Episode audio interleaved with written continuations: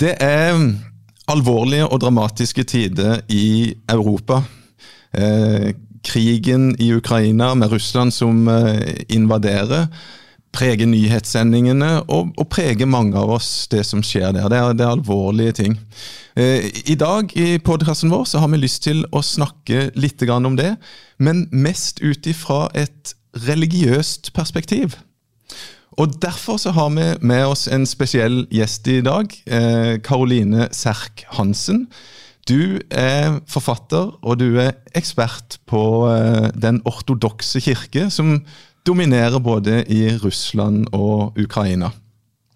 Eh, hjertelig velkommen til oss. Kan du si litt mer om eh, eh, hva det er du har drevet med og interessert deg for som er relevant i denne sammenhengen? Ja, takk for eh, invitasjonen, må jeg først si. Uh, hyggelig å få være her. Uh, min bakgrunn, uh, eller kontakt med Den ortodokse kirke og Russland og Ukraina for så vidt, startet veldig tidlig. allerede i tenårene. Mm -hmm. så begynte jeg å interessere meg spesielt for russisk historie, som førte meg igjen inn på en interesse for Den ortodokse kirke. Og jeg besøkte Russland og Ukraina, som den gang var det selvfølgelig en del av Sovjetunionen, allerede i 1989. så det begynner å bli lenge siden. Ja, ja. Og så Eh, skulle jeg begynne å studere på universitetet her i Oslo. Og da ble russisk mitt første fag. Så jeg studerte, tok mellomfag i russisk. Eh, og senere så skrev jeg en hovedoppgave i kunsthistorie om nasjonalreligiøse temaer i russisk kunst på 1900-tallet. Og den, altså det idéinnholdet i disse bildene, eh, og den hovedoppgaven er blitt uhyggelig aktuell og relevant i dag. Mye mer enn da jeg skrev den, hvor dette var litt sånn kanskje tanker som ikke så, var så fremme i offentligheten i Russland som det er i dag. Med mytene om det hellige Russland, hvordan, altså nasjonalreligiøse forestillinger om hvor det også inngår da denne tanken av at som Putin og patriark Kirill nå trekker frem, om at ukrainere og russerne egentlig er ett og samme folk, fordi de har de felles historiske røttene ja. i Kiev-riket. Ja, så, jeg, ja, så, har jeg da skrevet eh, en bok om Den ortodokse kirke som kom i fjor. Eh, en, eh, Vi har med oss boken her. Den ortodokse kirke historie, lære og trosliv? Ja, så Den kom, eh, kom, i fjor høst. Eh, og den er jo egentlig produktet av veldig mange års arbeid med det temaet. Eh, for jeg har jo interessert meg for det i 35 år. Mm. Og vært veldig mye i Russland og jobbet på norsk ambassade i Moskva. Jeg var kulturattaché der et års tid. Uh, og har eh, liksom veldig mange innganger til dette temaet, både akademisk og, og kjenner det liksom fra innsiden også. Kjenner Den ortodokse kirke fra innsiden. Og har vært veldig mange studiereiser i Russland og andre ortodokse land. Og Ukraina har jeg også vært en del ganger. Jeg hører at her er det veldig mye. Skikkelig bra at du ble med. altså. Det skal bli en um, interessant samtale, tror jeg, om disse tingene her. Eh, det er altså podkasten Ottosen og generalen eh, vi er i gang med her. og jeg heter Øyvind Aasland, er generalsekretær i Misjonssambandet. Og for første gang, Espen Ottosen, så, så, sitter ikke du i studio og er liksom den ledende stemmen her. Hvordan føles det, og hvor i verden befinner du deg? Jeg syns at du leverer veldig bra som podcast-host. Takk, takk. Eh, men det er klart du har jo lært av en av de beste over utallige episoder, så, så, det er jo kjempefint. Du, jeg sitter altså i Kenya, i ditt uh, gamle rike, hadde jeg nær sagt, ja, ja. Eh, Øyvind. Her har jeg vært en uke, har noen uh, dager igjen. Og syns det har vært fantastisk spennende. Jeg har vært med på misjonærkonferanse. Mm -hmm. Og den var historisk. Eh, Misjonssambandet slår jo nå formelt offisielt sammen Etiopia-feltet med Øst-Afrika-feltet. Eh, og plutselig var det altså da nesten eller rundt 100 voksne og barn wow. på misjonærkonferanse her. Tenk på det. Så jeg hadde et par bibeltimer og lærte masse om det arbeidet som eh, drives eh, rundt egentlig da i hele Øst-Afrika. Veldig, veldig bra. Og denne uken så holder du på med undervisning på en bibelskole. Stemmer. Tid familie, som het Teft familie, er jo denne bibelskolen vi har i Kenya for familier. Sju familier er det plass til, og det er jo populære greier. Jeg, jeg, de tre neste kursene, eller dette og de to neste, er jo allerede fulltegna. Ja. Så hvis du har lyst til å dra på Tid familie, så kan du i mai søke om å få være med på kurset i 2024. Så her planlegges det langt fram. Og det oppfordrer vi virkelig familie i Norge til å gjøre? Hva er det ja, det er kjempeflott. Og det er uh, veldig trivelig å se at uh, vi stort sett har glemt uh, koronaen her nede. Det var, litt, det var, mye korona i desember i Kenya, men ingen av de som kom ut rett på nyåret, har fått noe av det. Og her for, Mens jeg var her faktisk i forrige uke, så ble det slutt på maskepåbud og munnbind og den slags. Så livet går litt tilbake til normalen, og det er viktig for å holde denne skolen i gang. Nydelig. Men du, hva er det som er spesielt med Tid familiebibelskole? Hva er det, nå må du reklamere litt for den og fortelle hva folk kan eh, få med seg derfra. Ja, altså Mot slutten av eh, kurset så er det da en uke med Espen Ottosen i hverdagsetikk ja. som tema. Så det vet jeg ikke hvor mye jeg våger å reklamere for, sånn ut ifra ydmykhet og den slags. Men eh, det er veldig trivelig i hvert fall å være her. Ellers er jo det som er spesielt med denne bibelskolen, er jo at eh, man kan komme hit som familie. Det er barnehage for, for de aller minste. Det er norsk skole for eh, de som går i skole. Så de, det er jo da norsk skole her på tomta. Og det betyr jo også at det er et veldig praktisk liv da, for de som bor her. Det er barnehage og skole 50-100 meter fra der man bor. Og det er eh, nydelig sommer, selvfølgelig. Det er 31 varmegrader nå. Fantastisk. Så jeg har, eh, jeg har kost meg her, altså. Men eh, det, jeg må jo være litt forsiktig med å snakke om det. Det er en enorm kontrast i verden i dag. Ja. Øyvind, vi pleier å si at når vi berører politiske temaer og den slags, så, så ligger vi litt lavt og er ganske nøytrale og forsiktige. Men vi bør vel kunne si klart og utvetydig at det som skjer i Ukraina nå, der ønsker vi ikke å være så balanserte. Det er et forferdelig overtramp fra Putin. Det er en angrepskrig, og det er bare trist og tragisk. Men det er mange som kan snakke om det. Eh, det er ikke så mange som kan snakke om den ortodokse kirke og de religiøse aspektene. Strålende å ha deg her eh, med oss, Karoline. Du, først Blir du frista til å ta deg en tur til Afrika, eller har du vært, uh, vært på de traktene? Jeg har vært i Vest-Afrika, i uh, Senegal. Um, for jeg har en venninne som har et hus ved Atlanterhavet, så der Aha. har jeg vært. Men jeg har hatt veldig mange år hatt lyst til å reise til Etiopia. Det er jo ikke helt trygt akkurat nå, da, men jeg har hatt lyst til det, for de har jo en, en ortodoks kirke både i Eritrea og Etiopia, men en litt annen gren av den ortodokse kirke enn den som er i Ukraina og Russland, nemlig den orientalske ortodokse kirkefamilie. Ja. Så er litt, eh, De er litt annerledes, og de er ikke underlagt de samme patriarkene. De er mer eh, altså innbyrdes veldig forskjellige, da, kirken i og det er jo disse um, altså armenske kirke og den syrisk-ortodokse kirke og den etiopiske og den eritreiske. Uh, de, de, tilhører den orientalske Den orientalske uh, ortodokse kirke kalles de, til forskjell fra de som kalles de østlige ortodokse, som har felles røtter i Bysants og egentlig i den romerske statskirka. Ja. Uh, og, og, Russland og Ukraina fikk jo kristendommen fra Bysants, så de er jo da, har jo ikke noe administrativt med hverandre å gjøre. og de har litt forskjellig liturgi, og sånn, men de har jo grunnleggende samme tro. Så de, begge kalles jo ortodokse. Men det er mm. lett å blande seg med det. så Det er egentlig snakk om, det finnes jo flere østlige kirkefamilier. Eh, faktisk eh, i hvert fall tre store, eller to store østlige kirkefamilier og én mindre, som kalles Østens kirke, som ikke er ortodoks, som ikke regnes som ortodoks. da. Så det er, det er et ganske uoversiktlig bilde. Ja. Men det vi skal snakke om i dag, er jo de, altså de som er av denne bysantinske arven, da, som ja. er felles. Det kunne vært interessant hvis vi får tid mot slutten av samtalen vår i dag å snakke litt mer om den etiopiske og den orientalske familien, for det har jo interessert meg ganske mye. Ja skal ikke påstå at jeg kan fryktelig mye, men kanskje litt mer enn en gjennomsnittsnordmann. Det, det kan jeg nok. Kanskje du kan mer enn meg, for jeg har, jeg har, eh, Den boken jeg har skrevet nå, er jo om den østlige ortodokse, altså den som er av bysantinsk tradisjon, som er den største, med rundt 200 millioner medlemmer i verden, og som er den største, nest største kristne kirken etter den katolske kirke i verden. Litt avhengig av hvordan man regner, da. Man kan jo mm. si at det er flere pinsevenner i verden, men de er jo veldig sånn løsrevne Lite organisert. Ja, lite organisert. sånn at Hvis man slår sammen alle de pinsevennene i hele verden, så kommer man nok til et høyere tall eh, kanskje enn de ortodokse. Men hvis man slår sammen de østlige og de orientalske ortodokse, så er man jo også kanskje på, på høyde like mange som pinsevennene, sånn røftlig da, 270 millioner kanskje. Ja, ja, Så, så det er jo sånn, de kiver kanskje Men de er jo da mer organisert enn pinsevennene. Så man kan si at eh, ja, det, det står veldig mange steder at Den ortodokse kirke er den nest største kristne retningen. Og det gjør jo det her enda mer interessant da, for oss som lever i en sånn eh, protestantisk, luthersk verden, og lærer litt mer om den ortodokse kirke, og, og litt om politikken og det som har skjedd. Um, du Espen, før vi begynner å gå mer inn på det, har du noe mer å melde ifra du, han, per, du husker Per Lønning, da han var i Nairobi?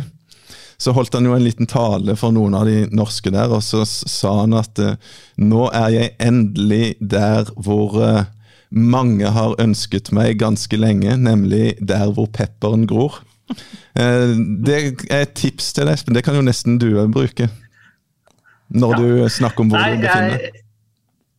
Jeg, har ikke så, så mye mer å melde utover at eh, jeg lagde et utrolig interessant intervju i går. Mhm. Som kommer på trykk i Utsyn etter hvert. Det var litt sensitivt, men jeg snakket med en uh, kristen kar som har muslimsk bakgrunn. Og som er, uh, reiser veldig mye på kryss og tvers i dette området. Og som midt under samtalen så sa han at jeg prøver å være forsiktig, for nå er jeg familiefar. Men sannsynligheten er jo stor for at jeg kommer til å bli drept fordi jeg er kristen. Det, liksom, det traff litt, og det skal bli eh, Og så var han jo en utrolig blid mann med masse humor. Så den kontrasten, å høre han egentlig snakke litt sånn lettvint, nesten i stil, om det enorme alvoret som han møter som kristen med den muslimske bakgrunnen han har, det var, eh, det var sterkt. Men eh, jeg blir gjerne med i en samtale, altså selv om jeg sitter nedi her om Den ortodokse kirke. Ja. Og noe av det jeg er litt nysgjerrig på, det, eh, Karoline, det er jo dette med at Ukraina og Russland var jo lenge altså Den ortodokse kirke de to landene var jo lenge samme kirke, men det kom jo et brudd. Gjorde ikke det? Pga. Eh, egentlig den, den første krigen og Krim og Donetsk og alt det der. Ja, altså det er jo, man må mye lenger tilbake i historien. Eh, egentlig så må man jo eh, tilbake til 1400-tallet, men det er kanskje å dra det vel langt. For det var en periode på, altså, hvor den, altså den altså For å starte da med historien, så Det vil vi gjerne. eh, Vi må ta det grundig ja, her. Vi må ta det litt Ja. sånn, eh, forklare det litt her. For det, eh, altså, det skjedde jo, jeg kan bare starte med dette bruddet. da, Det ble et offisielt brudd mellom eh, Ukraina, altså Pga. Ukraina og kirkesituasjonen der, så ble det et formelt brudd mellom Moskva-patriarkatet og Konstantinopels patriarkat i 2018. Mm. Men den konflikten hadde bygget seg opp siden 1990, uh, og eskalerte jo selvfølgelig som følge av anneksjonen av Krim i 2014 og denne, disse opprørerne øst i Ukraina, i Luhansk og Donetsk, som, som slåss for uavhengighet, eller for, og som var, fikk våpen og støtte fra Russland. Eh, som selvfølgelig forsterket den antirussiske stemningen i Ukraina. Mm. Men bildet er jo veldig komplisert, fordi allerede fra 1990 Jeg kan begynne der, da, for å begynne litt nærmere historien, så kan jeg eventuelt trekke linjen tilbake. Ja, gjør det. Um, I 1990 så var jo Ukraina i ferd med å Eller det var en løsrivningsprosess i, sant, Sovjetunionen var i ferd med å bryte sammen, og ukrainerne ønsket nasjonal selvstendighet, akkurat som folkene i de baltiske statene og mange Mm. andre. Og Ukraina ble jo formelt selvstendig i 1991, men allerede året før, i 1990, så krevde, eller ukrainerne ønsket seg større kirkelig uavhengighet, for de inngikk jo i Moskva-patriarkatet, og veldig mange av menighetene til Moskva-patriarkatet og klostrene befinner seg i Ukraina, og det gjør de fortsatt. Um, og, og de krevde større frihet fra Moskva, og fikk det faktisk av, den- av den forrige Altså av forrige patriarken. eh, Var det sånn en, av nasjonal, sterkere nasjonalfølelse og sånn? Ikke sånn si. teologiske Nei, nei, ting eller noe her Det handler ikke noen ting om teologi, det handler om en sterkere nasjonalfølelse. Eh, for den frigjøringskravet om selvstendighet kom ikke over natta, det var jo en prosess. eh, når Sovjetunionen raktet. Eh, og det fikk de innvilget fra Moskva-patriarkatet. De fikk eh, stor grad av indre selvstyre eller autonomi, en slags halvautonom status. Og de hadde jo sitt eget overhode i Kiev, som har tittelen metropolitt av Kiev. Uh, liksom, men han ble jo utnevnt fra Moskva, da. Men altså, de styrte sine egne saker i det daglige. Og sånn er det fortsatt. Man har jo denne ukrainske ortodokse kirken som er under, eller med tilknytning til Moskva-patriarkatet fortsatt. Og den er fortsatt stor i Ukraina. Mm -hmm. Men i 1990 så var det en gruppe som brøt, brøt med Moskva-patriarkatet, og som startet sin egen kirke som de kalte Ukrainas autokefale ortodokse kirke. Autokefal det betyr med eget overhode på gresk. Autokefalos. Mm. Uh, og de uh, ble jo ikke anerkjent som gyldig ortodokse uh, som en gyldig kirke av den øvrige ortodokse verden, eller av Moskva. De ble jo sett på som en sånn ukanonisk eller ugyldig gruppe, selv om de hadde akkurat samme teologi og samme gudstjeneste. Så det gikk ikke på lære, det gikk kun på organisasjon. Uh, og en del sånne regler man skal følge når det gjelder bispeutnevnelser. og slikt. At Du ja. skal jo ha apostolisk suksesjon, at, at, linjen går helt tilbake. At du kan følge, uh, følge helt tilbake til apostlenes dager. Da. Ja, Det er jo viktig og, for noen lutheranere òg. Ikke sant. Mm. Og så uh, fikk de konkurranse to år senere, i 1992. For da var det en annen gruppe som Og denne her første som jeg nevnte fra 1990, den var egentlig en gjenoppvekkelse av en kirke som eksisterte allerede fra 1921. For det var jo en forsøk på å gjøre Ukraina til selvstendig land i kjølvannet av tsarimperiets oppløsning. Men så kom jo Sovjetunionen, og Ukraina ble en, en ukrainsk sovjetstat i sovjetsamveldet. Og da jo, ble jo den, under Stalin så ble jo den kirka eh, forfulgt, selvfølgelig. Og, og de ble, jeg, døde hen i, i hjemlandet. Ja. Men de overlevde i emigrasjonen, så det de fikk mange emigrantmenigheter, bl.a. i USA. Så kirka var så å si død ja. en stund da under sovjetkommunisttida? Ja, i, i Stalin-tida. Stalin prøvde å sulte i hjel Ukraina også gjennom ja. dette folkemordet. Ja. Men det er en annen historie, for så vidt. Men, men denne, Og så var det en kort periode under tysk okkupasjon under andre verdenskrig, hvor den ukrainske selvstendige kirken også ble vekket til live for et par år. da. Men så kom jo 45, og så ble den, gikk den under jorda igjen, eller ble fortrengt. Uh, og da var det bare Moskva-patriarkatet som hadde menigheter i Ukraina. Men så i 1992 så fikk da denne her Ukrainas autokefal-ortodokse kirke, denne lille gruppa, utbrytergruppa, konkurranse av en annen gruppe som gikk ut av Moskva-patriarkatet. Uh, og de kalte seg etter hvert uh, Ukrainas ortodokse kirke Kiev-patriarkatet. Mm. Fordi det var da han som tidligere hadde vært Moskvas leder, altså Moskva-kirkas leder i Kiev Eh, metropolitt Filaret han ble opp, opphøyde seg selv, kan man si, eller tok tittelen patriark. Så han ble rett og slett en konkurrerende patriark til patriarken av Moskva. Og disse to kirkene, de, Ingen av de var godkjent i den øverortodokse verden. Det var det bare denne Moskva-grenen som var. Uh, og, så da har vi altså tre konkurrerende ortodokse kirker mm -hmm. i. Ukraina. Og Moskva var desidert størst. Med, altså, i, før krigen, da, i, altså før 2018, så hadde vel Moskva-grenen ca. 12 000 menigheter i Ukraina. Og Det jo, kan jo være en menighet med bare et par hundre mennesker til mange tusen. Så det, det tallet i seg selv sier jo ikke nødvendigvis noe så, så veldig mye, men, men, 12 000 menigheter og masse kloster og sånn hadde ja. Moskva. Og denne konkurrerende eh, denne eh, Kiev-patriarkatet, som de kalte seg, under denne filaret, eh, de hadde ca. 5000 menigheter. Og så hadde denne lille såkalte ukrainske autokefale kirke de hadde kanskje 1200 eller 1500 menigheter. Så det er liksom styrkeforholdet. Mm. Og vel å merke, en tredjedel av alle Moskva-patriarkatets menigheter var i Ukraina. Så det sier hvor, altså Ukraina har tradisjonelt vært et veldig religiøst samfunn.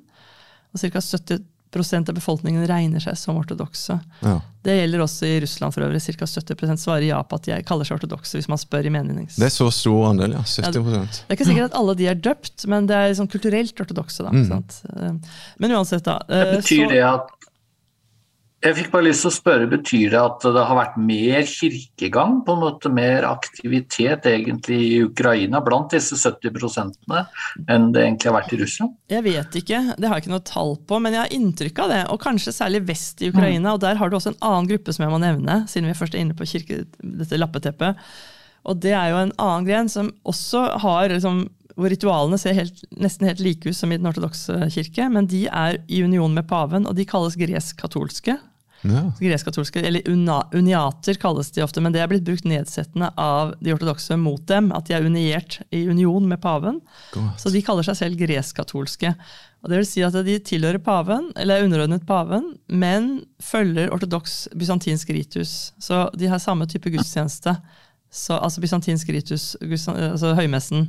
Og de bruker ikoner, og prestene er kledd på samme måte osv. Og, så og de har samme tradisjon. Prestene kan være gift, f.eks. Ja. Og de er ca. 9% litt over 9% av Ukrainas befolkning er gresk-katolske. Og de er jo sentrert i vest, vest i Ukraina. Så, men de er litt utenfor denne, denne kirkekonflikten i Ukraina. Da tenker vi på den interne striden blant de ortodokse. Ja. Og bare for å fullføre det jeg skulle si, eh, så skjedde jo da at, så Det har også vært en kirkelig frigjøringsprosess helt fra 1990 i Ukraina.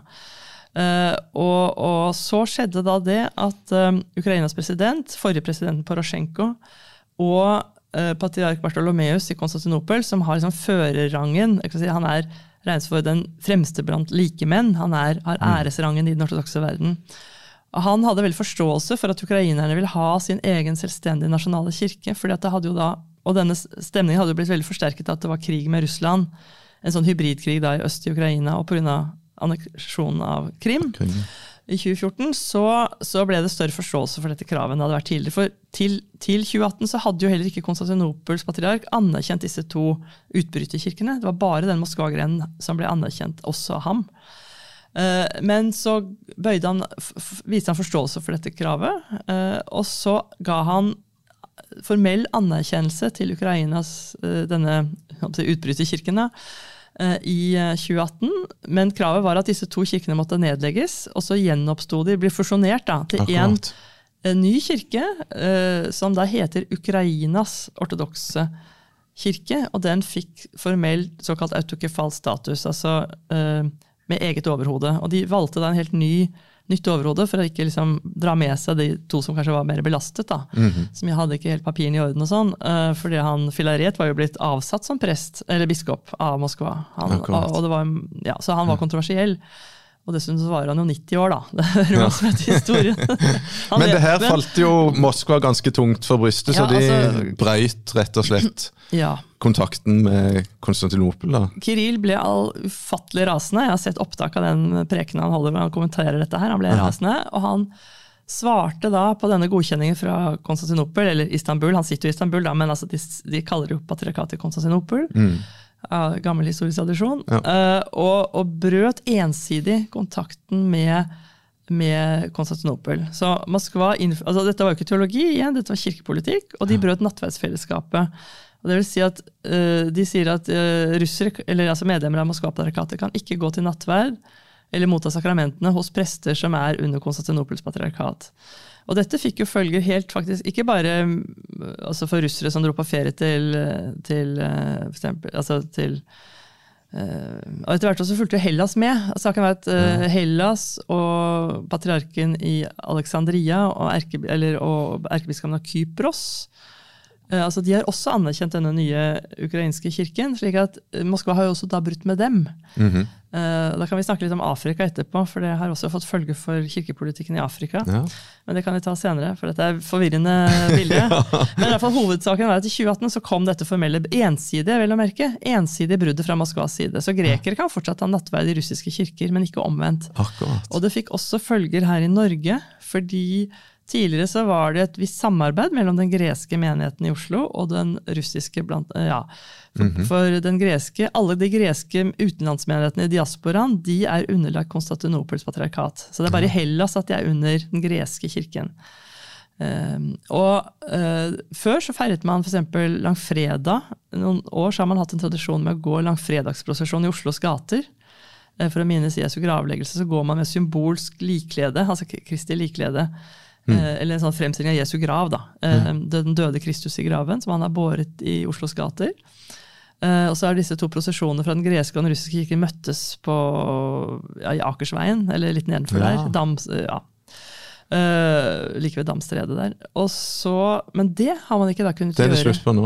Etter, uh, fra 2019 så var det slutt på det. Akkurat. Pga. Den, denne bestemmelsen fra Moskva, dette bruddet. da. Så det er jo veldig, altså, og Prestene skulle jo samarbeide et forum, det måtte legges på is pga. dette. Så dette virker rett inn i Har også konsekvenser da, i norske kirkeforhold, faktisk. Mm. Um, ja, nå er det ikke alle ortodokse kirker som er under en av de to patriarkene. Vi har jo andre som er uavhengige, altså rumensk og serbisk og sånn også. Så det er jo ikke alle ortodokse det berører. Men Moskva-patriarkatet er jo det desidert største, med over kanskje så mange som 100, et sted mellom 100 og 140 millioner medlemmer. Ja, for han Kiril han har jo flere medlemmer enn eh, han Er det Bartolomeus han Ja. heter han i, i Konstantinopel? Enormt Som- stor styrkeforskjell. Altså Moskva har som jeg har sagt, opp, kanskje opp mot 140 millioner, og han Bartolomeus har kanskje 5 millioner, hvis du Ja. regner, eh, regner For de er jo bare noen tusen igjen i Tyrkia, kristne, Ja. eh, ortodokse. Og så har de alle utenlandsgrekerne, og også utenlandske ukrainske menigheter. Men uh, grekerne i Hellas de er jo under den greske kirken. Nå har jo Moskva brutt med den også, da.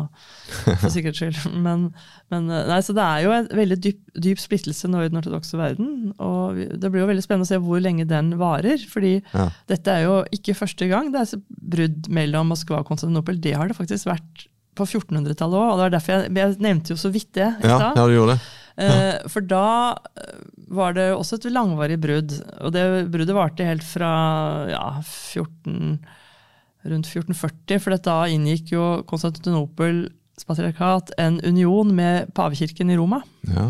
Det, var jo, det hadde jo vært et skisma på Det store skisma skjedde jo på 1050. Eller noe 1054, ja. Ja. Men så var det noen unionsforsøk, både på 1200-tallet og 1400-tallet. Og Konstantinopel inngikk den unionen, for de var så presset av tyrkerne. Det var jo politisk, de tenkte altså, rett og slett eh, Det var et kompromiss for å få eh, militær og politisk støtte mot tyrkerne. Eh, Og Konstantinopel falt jo ikke så lenge etter heller. Men i hvert fall så uh, svarte da Moskva med at nei, de, Moskva var det eneste som sto imot denne unionen, for de ville bevare den uh, rette tro. Og dette, da var det jo teologi også inne i bildet. Eh, og Moskva brøt da med Konstantinopel og sendte den russiske delegaten som hadde stemt for dette her, i fengsel. Mm. Eh, men den gangen så var det slik at man hadde en metropolit i Kiev, og han var ikke under Moskva, han var under Konstantinopel. Mens Moskva hadde sin egen metropolit. Akkurat. Og det varte helt til faktisk 1589, før disse kirkene ble formelt i union med hverandre. Og, Over 100 år. ja, faktisk. Så det, Mm. så det, man, men det er jo glemt nå. Nå tenker man på dette bruddet i 2018, men det har altså vært et kjempelangvarig brudd på den tiden også. Og det var jo Konstantinopels patriark som anerkjente Moskvas patriarkat og opphøyde biskopen i Moskva til patriark også. Så all, godkjenningen kom jo fra Konstantinopel, historisk sett, for det var de som hadde myndighet til å godkjenne nye selvstendige kirker. Og det var det Bartolomeus pekte på da når han ga Ukrainas kirke ortodokse kirke selvstendighet. Så sier han det er jo min historiske rett å gjøre dette. Det var jeg som anerkjente Moskva i sin tid. Ja. For det er, siden han er fremst blant likemenn, så har han den eh, historiske myndigheten. Men det var jo da Moskva selvfølgelig ikke enig i, da. Det er jo en annen side av saken. Ja. Espen er flink til å sitte hva- og rekke opp hånda når han ber om ordet i Nairobi. Ja. Nå skal du slippe til. det var, eh, jeg tenkte det var Du, jeg bare tenker at uh, det fins altså en patriark i Moskva, og han er jo blitt svært kontroversiell nå, fordi han så til de grader har uttrykt full støtte til Putin og krigen. Men hva får det å bety for menigheter rundt i Europa? For både i Norge og i veldig mange andre land så er det jo russisk-ortodokse menigheter hvor vel prestene på et eller annet nivå må være lojale mot patriarken. Ja, det er jo veldig, nå er det jo veldig tidlig å si ennå. Jeg vet at det første eksempelet som har kommet, er jo fra Amsterdam. Nederlenderne har jo alltid vært frittenkende mennesker. og Uh, der, er det jo, i det, der er det en, en, russisk øh, Helle Nikolai-kirken i Amsterdam. Jeg har vært i den kirken, faktisk, øh, og møtt veldig frisinnede ortodokse der. Det er veldig åpne og Moskva-kritiske øh, medlemmer i den menigheten for en del år siden. Uh, og og de, noen av prestene der har jo altså, eller, og men, jeg tror menighetsrådet stemte for å bryte med Moskva og søke seg inn under Konstantinopels patriarkat. Ja. Og da kommer jo biskopen ilende, uh, biskop Jelisej er det han het, med, visstnok med en ambassadebil da, fra Haag. Eh, og, dette, og, og dette ble jo furore, og de ble jo eh, sterkt advart. Og det ble sagt da at eh, utenriks, russiske utenriksdepartementet vil følge, eller ambassaden vil følge veldig nøye med på hva som skjer. da. ja visst. Uh, Men det er klart at mange av prestene sånn som her i Oslo, er jo veldig opptatt av å holde flokken samlet. fordi De er jo ikke opptatt av storpolitikk, de er opptatt av menighetsbygging og har brukt veldig mange år av sitt liv. Presten her i Oslo har brukt 25 år av, sitt, av sin tjeneste på å bygge opp en menighet fra null til en veldig livskraftig menighet med mange tusen medlemmer. Og de er jo ikke bare russere, de er fra hele det tidligere sovjetsamveldet og andre land også. Uh, og, og det er jo delte meninger i menigheten om synet på Putin og på krigen. Mm. Og, og, og prestene ønsker jo å være prest både for ukrainere og for russere. Så dette er jo fryktelig, fryktelig vanskelige ting. Det er skikkelig vanskelig å holde sammen det her nå. Ja, og det han bruker som et bilde, er at kapteinen, selv om eh, Altså, selv om eh, altså selv om han er i en storm, da, så må eh, noen kapteinen bli igjen på skipet. Hvis han tenker at presten er kapteinen, da, og ikke patriarken, så må Mm. noen ta vare på skipet og, besette, og, og, og menneskene om bord. Eh, hvis man ser på det som et bilde på menigheten. Ja. Eh, Man kan bruke et annet bilde og si at hvis, hvis kapteinen er full, så må noen andre ta ansvaret og sørge for at skipet blir velberget. Ja, Eller, ja. Men det er liksom Altså, øh, president Putin, han, han har jo dyrka de siste ti åra iallfall et nærere og nærere forhold til den ortodokse kirke. Kanskje som en del av det å bygge maktbasen sin og, og sånn. Jeg tror, jeg tror ikke det bare er politisk begrunnet. fordi at I noen bøker om Putin så har man kunnet lese at jeg tror han også har en personlig kristen tro, selv om man kan synes at det er en spesiell eh, tolkning av den. da. Uh, og det var visst noe jeg har lest om at han var utsatt, eller overlevde eller var nær ved å bli skadet eller alvorlig kanskje drept i en bilulykke eller, om det var, eller en annen form for ulykke, hvor han da på 90-tallet eh, og mente da at det var Gud som hadde reddet ham. Og han, hadde også, han ble jo døpt som Eller moren sørget for at han ble døpt da han vokste opp i Leningrad. Eh, og han fikk også et, eh, et kors, tror jeg det var, av moren, som er da et sånt velsignet dåpskors som han går med. Og han har jo, liker jo, eller Han blir jo filmet da når han deltar på julegudstjenester og påskenattsmesser i, i, på russisk TV, selvfølgelig. Ja, det er alltid, og han har jo isbadet som en sånn dåpspåminnelse. Og han besøker gjerne Atos, ikke sant, dette klosterhalvøya i Hellas. Ja. Uh, og, og lot seg da ha sånn dåpspåminnelse i Jordanelven også for en del år siden. Selvfølgelig med masse presse på slep, da. Uh, så det gjøres jo et propagandanummer ut av det. Men, men jeg, tror det er, jeg tror ikke det bare er noe han sier. Altså jeg tror at han, han, han regner seg selv som troende ortodoks. Det har han vært veldig tydelig på. Eh, men, eh, men at han del, jeg tror rett og slett at Putin og patriarken deler samme verdensoppfatning og synet på Russlands rolle i verden. Mm. Eh, og ønsker dette Jeg så en propagandafilm som ble laget i 2014, som het 'Russlands andre dåp'. Og den var laget av han som nå er nestleder mange kaller han nestleder i Den ortodokse kirke. Han er på en måte utenriksminister. Uh, Hilarion Alfejev. Hilarion Alfejev Mhm. Som har skrevet veldig mange bøker om den ortodokse teologi og kirkehistorie. Han er veldig god forfatter og komponist, men han er da også uh, blitt nå leder for Kirkens utenlandsavdeling. Uh, og han, i denne filmen fra 2013 faktisk, uh, så er det liksom gang på gang understreket at Ukraina, Hviterussland og Russland er ett og samme folk, med, med felles røtter i Kiev-riket, altså i viking- og tidlig middelalder Mm. Da Russland ble døpt, altså formelt kristnet da, i året 988. Og det var jo storfyrst Vladimir som lot kristne landet. Eh, Selv hadde han fått dåpen da i, i Bysants, men så innførte han jo greske prester uh, som døpte da folket i Dnieper, altså i, i Kiev. Uh, og um, sånn at og Den filmen da, så intervjuer han biskop, eller nå metropolit Ilarion både eh, både patriark Kirill og Putin. Og liksom det Mantraet som går igjen i denne filmen, er at de er ett folk, eller broderfolk, og de har et ubrytelig fellesskap i kraft av den ortodokse arven som de deler. eh, Som går tilbake til dette Kiev-riket på 1000-tallet eller 900-tallet, da kristendommen ble innført, og fremover. Slik at de er egentlig ett folk sånn kulturelt sett. Og det er liksom det, det argumentet bruker både Putin og det bruker eh, Kirill, og de har til og med et eget begrep for det. altså Putin som politiker snakker om den russiske verden, altså Roskimir, mm -hmm. mens uh, kirken foretrekker å snakke om det hellige Russland, Svjataja Rus. Men Ros er jo navnet på denne gamle staten. Dette Kiev-riket heter Ja. jo Ros på russisk. Kievskaja Ros. Uh, og det går også igjen i patriarkens tittel. Altså, han heter jo ikke patriarken av Russland, av Moskva og hele Russland. Han heter patriarken av Moskva og hele Rus. Mm. Og Rus, det er jo dette eh, Det sies jo at det navnet kommer av svenske vikinger fra Roslagen, som har gitt navnet til Russland. Men det er jo en annen eh, liten, Men det er jo fascinerende historie, da. At det, at det var svenske vikinger som grunnla det hellige Russland. Men, men det som jeg tenkte på var at da bruker, kan Kiril bruke det her som et argument at det her er jo et folk som hører sammen. Den kirka bør ikke få lov til å bryte fellesskap med Moskva, og det kan gjelde politisk òg. At her Ja. er det bare naturlig at Putin på en måte er den som tar over hele. Det er, eh, det er liksom samme retorikken. Men det skal sies da at denne ukrainske kirken, altså Moskva-patriarkatet i Ukraina har jo da helt siden 1990 ikke vært kalt den russiske ortodokse kirke. De heter jo den, den ukrainske ortodokse kirke.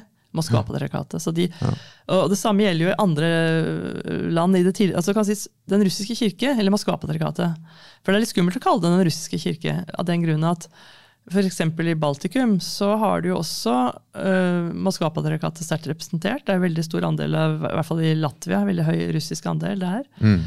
Litt mindre i Estland og Litauen. Men, men der har jo også Moskva-patriarkatet gitt de lokale kirkene uh, ganske stor grad av indre selvstyre. slik Akkurat. at de de har jo gudstjenester på begge språk, f.eks.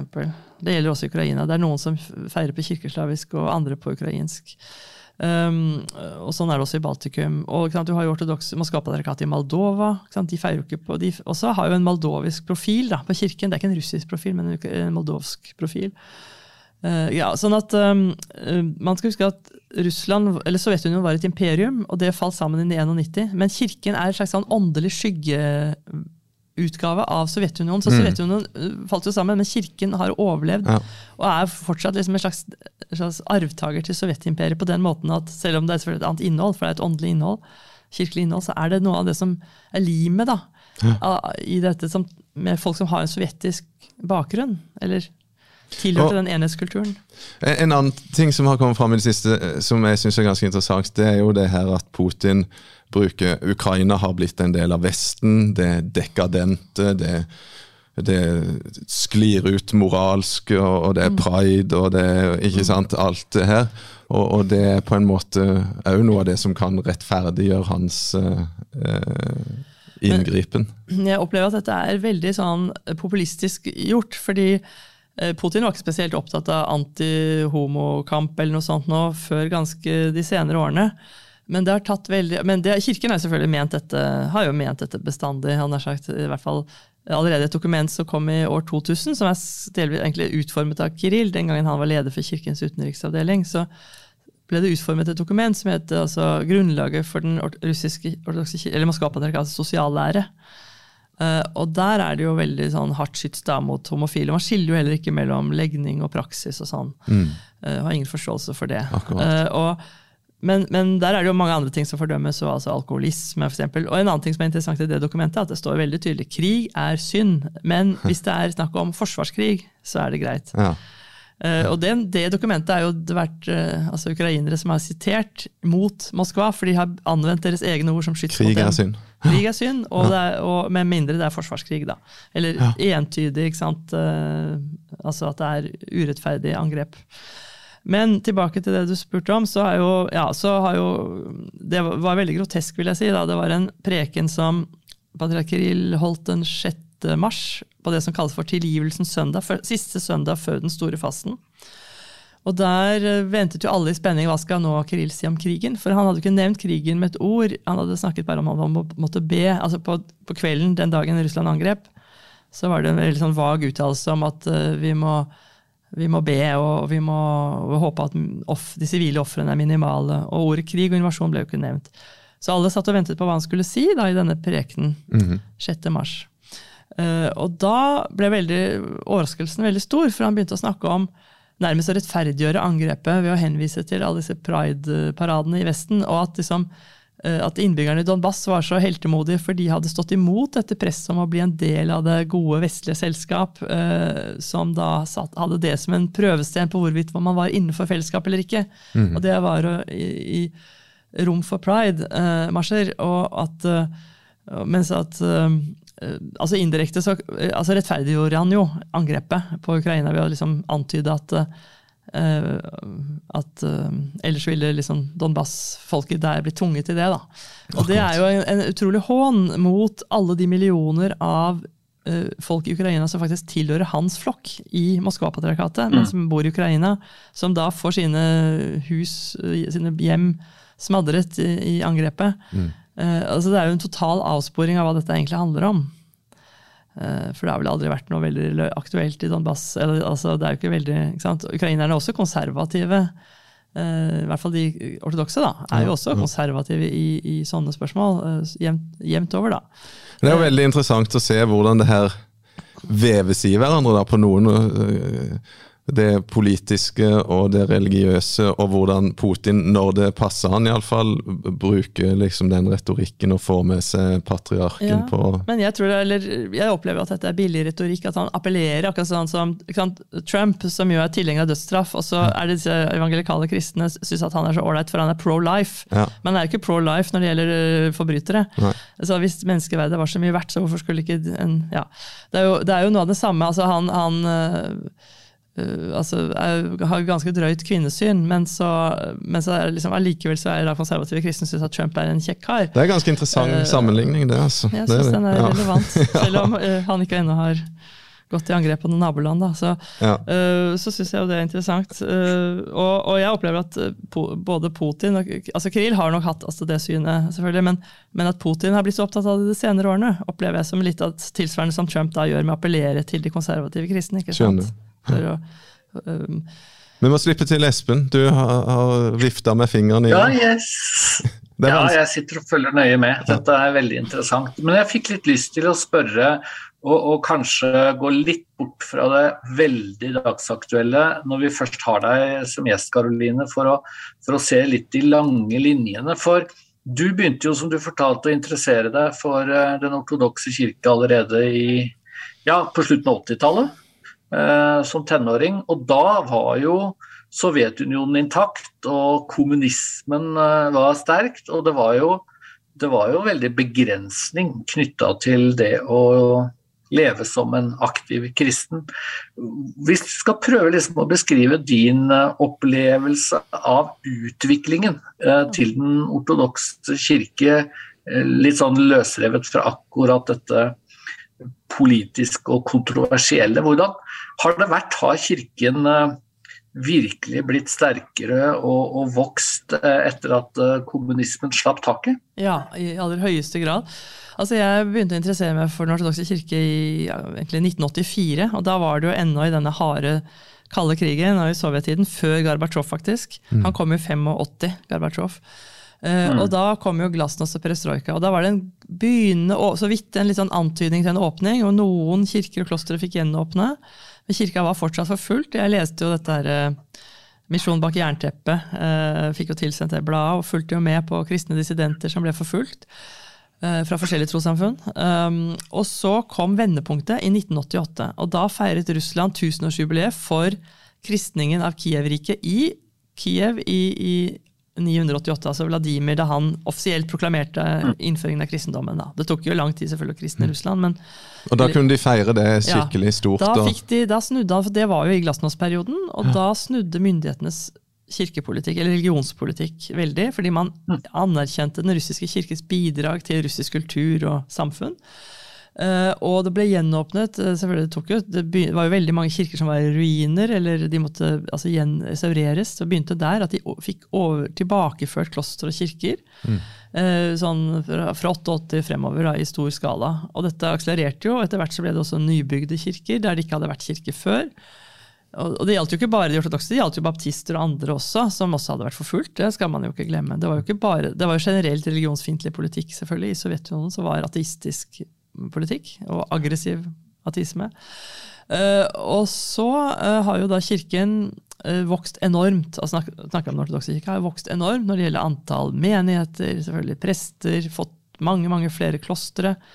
Så det har vært en enorm vekst og en, et enormt prosjekt.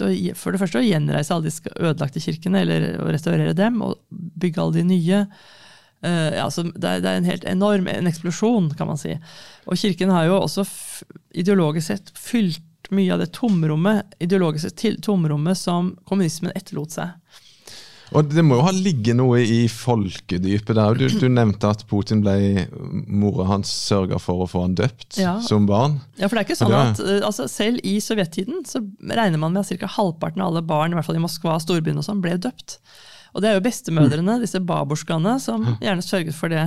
For det var jo forbundet med stor fare for karriere hvis man ble observert i kirken. Altså, som, altså Hvis du skulle ha en karriere, så var det ikke noe særlig lurt å bli observert i kirken. Så det var gjerne bestemoren som ikke hadde noe å miste, som tok med seg barnebarnet og døpte barnet. Sørget for at barnet ble døpt for sikkerhets skyld. liksom.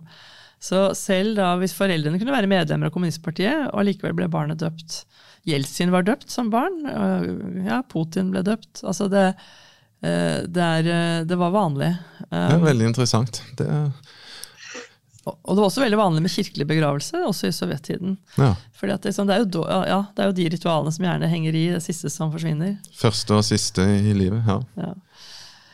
Du, jeg tror jo at du i veldig stor grad nå Karoline, snakker til lyttere og seere som er eh, protestanter, og jeg håper si, mange av de er bedehuskristne. Hva vil du si eh, for å prøve å forklare hva er på en måte det som kjennetegner og kjennemerker den ortodokse kirke og den ortodokse tro. Hva, jeg tror veldig mange vet hva som er lutherdom og hva som er pinsevennteologi, og en del vet en del om den katolske kirke, men hva er liksom ortodoks tro? Det må du fortelle oss litt om. Ja, for det er, det er mye myter og sånn, eh, selvfølgelig. Det er jo noe av det jeg har vært opptatt i boka mi, å, prøve å tydeliggjøre faktisk det som forener eh, katolsk, ortodoks og luthersk eller eh, tro. fordi man har jo de grunnleggende dogmene felles. ellers så kunne jo ikke, fordi Man har et minste felles multiplum som gjør at man medlem, kan være medlem i Kirkenes verdensråd. Mm. Og Det er jo synet på treenigheten, dogmen om treenigheten og om Kristus som sann Gud og sann menneske. Og disse, altså Treenighetslæren og læren om Kristus er jo felles, og man bygger, har jo den samme Bibelen, eh, med noen unntak. altså Noen gammeltestamentlige apokryfe skrifter som man, altså katolikker og ortodokse har felles, som ikke er med i den eh, protestantiske bibeloversettelsen, for den er jo direkte fra hebraisk. Mm. Mens katolikker og ortodokse har jo da fra Septuaginta, altså denne greske. Den greske varianten. Ja, Så der er det noen bøker, men det er jo ikke noen sånne avgjørende skiller. Um, og Nytestamentet er jo helt likt, og Nytestamentet er jo skrevet på koinegresk, og det er jo det som fortsatt brukes i den greske kirken. Man bruker jo originalteksten mm. i Nytestamentet. Det, jo, det, leses jo fra originalteksten hver søndag i gudstjenesten. ikke sant? Mm. Og man har jo den samme trosbekjennelsen, hvis du tenker på den utvidet, altså for så vidt, man er Den apostoliske, den korte trosbekjennelsen som brukes vanligvis i norsk høymesse, luthersk høymesse, er jo også gyldig i den ortodokse verden. Den er jo veldig gammel, apostoliske trosbekjennelsen. Men mm. man bruker jo ofte, man bruker i den ortodokse gudstjenesten fast da den nikenske. Den nikenske. Og der er det Protestantene har jo egentlig bare overtatt den fra den katolske kirke, men der har man da også med et lite tillegg om Den hellige ånd, uh, som er det egentlig eneste skillet. Ellers er det jo identisk trosbekjennelse. Altså nikenske trosbekjennelse. Mm. Det som skiller seg, er mye sånn trospraksis, er det ja, ikke det? Mye det er... røkelse og vekt på liturgi og Ja, men det er jo ikke noe i seg selv som er prinsipielt som man ikke kunne hatt. Altså, hvis du tenker på Peter Halldorf, som har feiret altså ortodoksinspirert liturgier ja. med røkelse som det holder. Så, som, som med pinsevennbakgrunn. Ja, ikke sant? Sånn er ikke, så hvis jeg skal si sånn, Det grunnleggende læren er jo identisk. Men det er mye av det kulturelle, selvfølgelig. Gudstjenesten, ja. Bruken av ikoner, ikonenes sentrale plass. Selvfølgelig så har man jo klostervesen. Eh, det er jo noen protestanter som har det òg, for så vidt. Eh, og så er det Maria og helgenenes plass. At de er mye mer synlige i, eh, i troslivet. Mm. Altså at Maria nevnes og helgenene nevnes. Og man tror på at helgenene kan, og Maria er jo den fremste av alle helgener, kan be for mennesker. Mm. Skjærsilden, er det et begrep som Nei, ortodokse bruker? det er det ikke. Det er egentlig den katolske kirke. Men man har noen kirkefedre, tidlige kirkefedre på 300-tallet, og senere kanskje også, som skriver om en slags renselse som sjelen må gjennom. Men det er ikke en sånn, det er ikke dogme rundt det. Man har ikke gjort det til et dogme. Men, og det er ikke en helt entydig lære om hva som skjer etter døden i ortodoks teologi. Den er litt, sånn, litt, litt ulike versjoner. Hva skjer med sjelen liksom før dommedag? da? Akkurat. Det er, ikke, det, det er, fordi det er et vanskelig tema å vite så, være så skråsikker på. Det er jo det, absolutt. Uh, så der er den ortodokse kirke kan si Til forskjell fra den katolske kirke så er man ikke sånn at alt er liksom systematisert. Og Det er nok en mer sånn vestlig tendens som man har arvet fra, liksom, fra romerretten også, at alt er veldig sånn lovfestet og dogme, dogmefastsatt.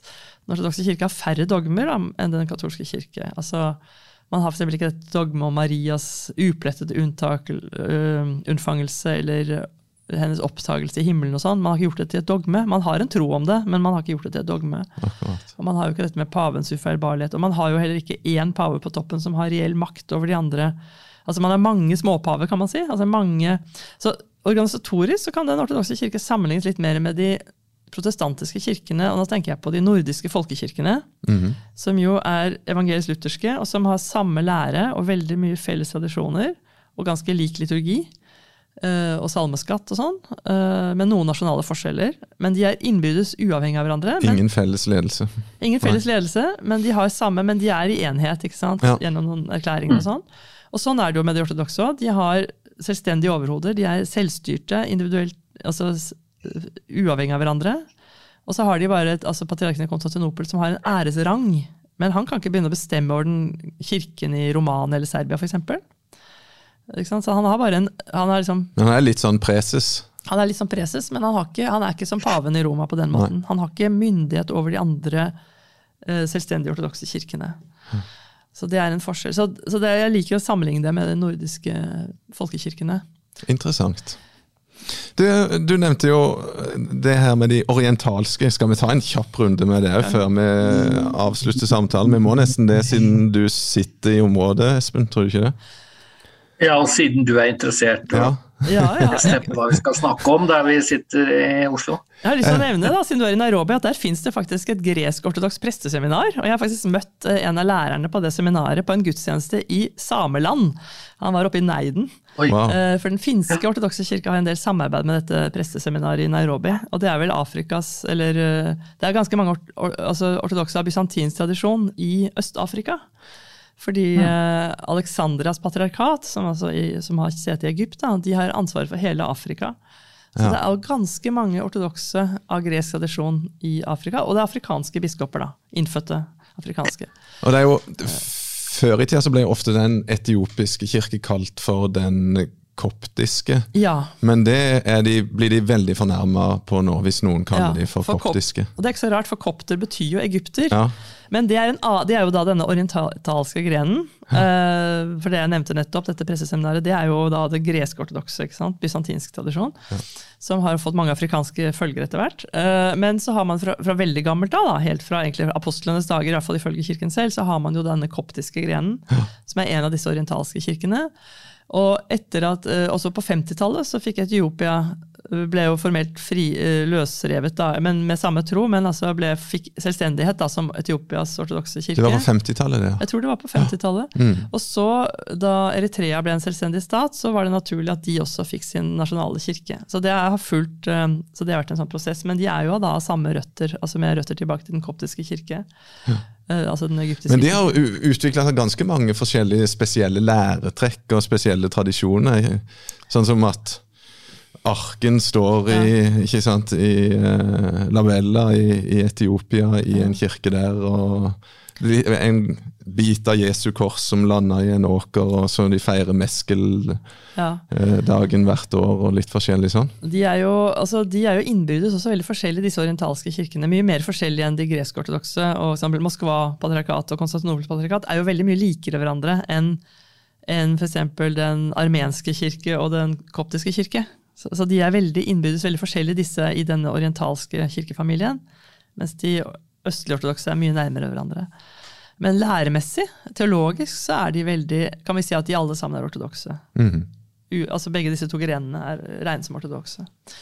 For det er, eh, en, viser seg at en del, altså De ble jo anklaget for å være såkalte monofysitter. altså De ortodokse anklaget dem for å være monofysitter, at de bare anerkjente Kristi guddommelige natur. Ja. Altså én natur. Ennaturlære. Monofysitis.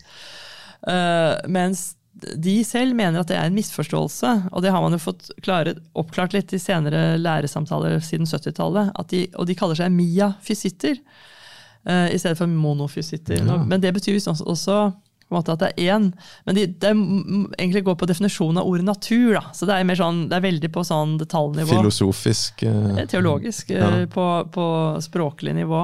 Hva du legger i de ordene. Så, så de har nærmet seg hverandre veldig. Og jeg vet at um, en del eritreere i, i områder hvor det ikke er egne eritreiske menigheter, får lov til å gå til nattverd og ha fullt nattverdsfellesskap på lekmannsnivå da, mm. med f.eks. russiske menigheter eller greske menigheter. Og det har jeg selv sett det. Det er, og I Norge eksempel, er i Oslo mange, kanskje noen som gjør det. ja da, og, og andre steder i Norge også jeg vet det mange eksempler på det. Og jeg nevnte denne russiske kirken i Amsterdam, hvor disse prestene hadde brutt med Moskva. Jeg, da jeg var i den kirken, så var det massevis av etiopere. kanskje eritreere også, i sånne hvite preste, sånne søndagsklær, sånne hvite kirkeklær. Og de sto jo og ba på denne sånn oldkirkemåten. Mm. Med hendene i været, altså lekfolket. da, Og det var mange mange av dem i denne russiske kirken i Amsterdam. Og det var liksom fint å se at de var fullt integrert da i, i gudstjenesten og fikk delta i nattverdsfeiringen og sånn. Akkurat. Så det viser jo at de har jo virkelig nærmet seg hverandre. Interessant. I dag har vi lært mye, Espen, har vi ikke det?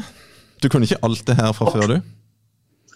Nei, det kunne jeg absolutt ikke. Og jeg syns det var veldig nyttig å få et eh, overblikk. Eh, ikke minst fordi vi lever nå i den tida vi lever og følger situasjonen i Ukraina tett. Så jeg har lyst til å si tusen takk til Karoline Serk-Hansen, som også har altså skrevet en helt fersk bok om den ortodokse kirke. Kom i fjor, som eh, kan være svært interessant å lese. Så da tror jeg jeg overlater til deg å runde av fra Oslo, og takker fra meg her i Nairobi. Veldig bra at du kunne bli med, Espen, i denne samtalen. Og så, så begynte vi å snakke med alvoret som er i denne situasjonen, og det, det grusomme som skjer i Europa. Det er liksom krigsscene som eh, kanskje de fleste av oss hadde tenkt at vi ikke skulle få se som vi får huske på å be for de som uh, lider og har det vondt i denne situasjonen. Det er en oppfordring som vi alle kan slutte oss til. Og så har vi lært litt mer om noen av nyansene her, og noe av betydningen til den ortodokse kirke oppi eh, denne fæle situasjonen. Så med det så sier vi tusen takk, Karoline. Kjempeflott å ha deg med. Du har lært oss mye. Og Espen, du bruker å si noe om at du kan høre denne podkasten der du vanligvis hører podkast og, og, alt det der. Du kan se litt, og du kan høre litt og sånn. Og det, så det får vi minne om i dag òg. Folk finner fram. Og så sier vi tusen takk for i dag, og på gjenhør. Takk for meg.